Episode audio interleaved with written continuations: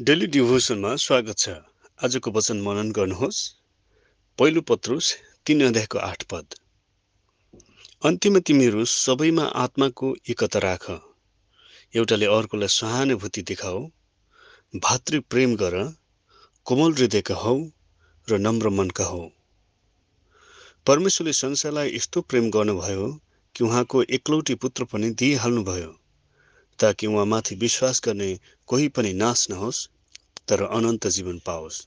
यहुना तिनको स्वर परमेश्वर प्रेम हुनुहुन्छ। प्रेमबाट नै प्रेम बग्दछ। संसारमा ईश्व आउनुको कारण परमेश्वरको प्रेमलाई मानिसहरूमा बगाउनलाई हो। त्यो प्रेम पृथ्वीका समस्त मानिसहरूको निम्ति हो।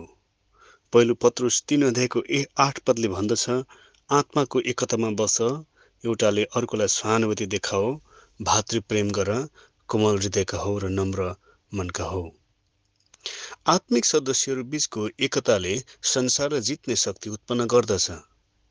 माथि भनी चाहिँ परमेश्वर प्रेम हुनुभएकोले हामीबाट पनि प्रेम नै बग्न जरुरी छ।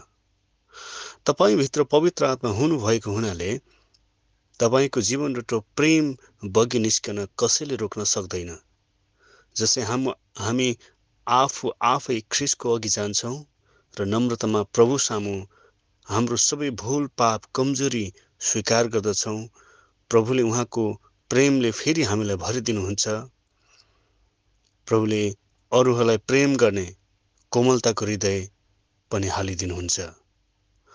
हाम्रो प्रेम आत्मिक दाजुभाइहरूमा मात्र सीमित नरही बाहिरतर्फ अझै पनि ख्रिसलाई चिन्न नसकेका धेरैजना कहाँ पनि पुग्नेछ। यसर्थ धेरैले परमेश्वरको प्रेमलाई अनुभव गर्नेछन्। आमेन।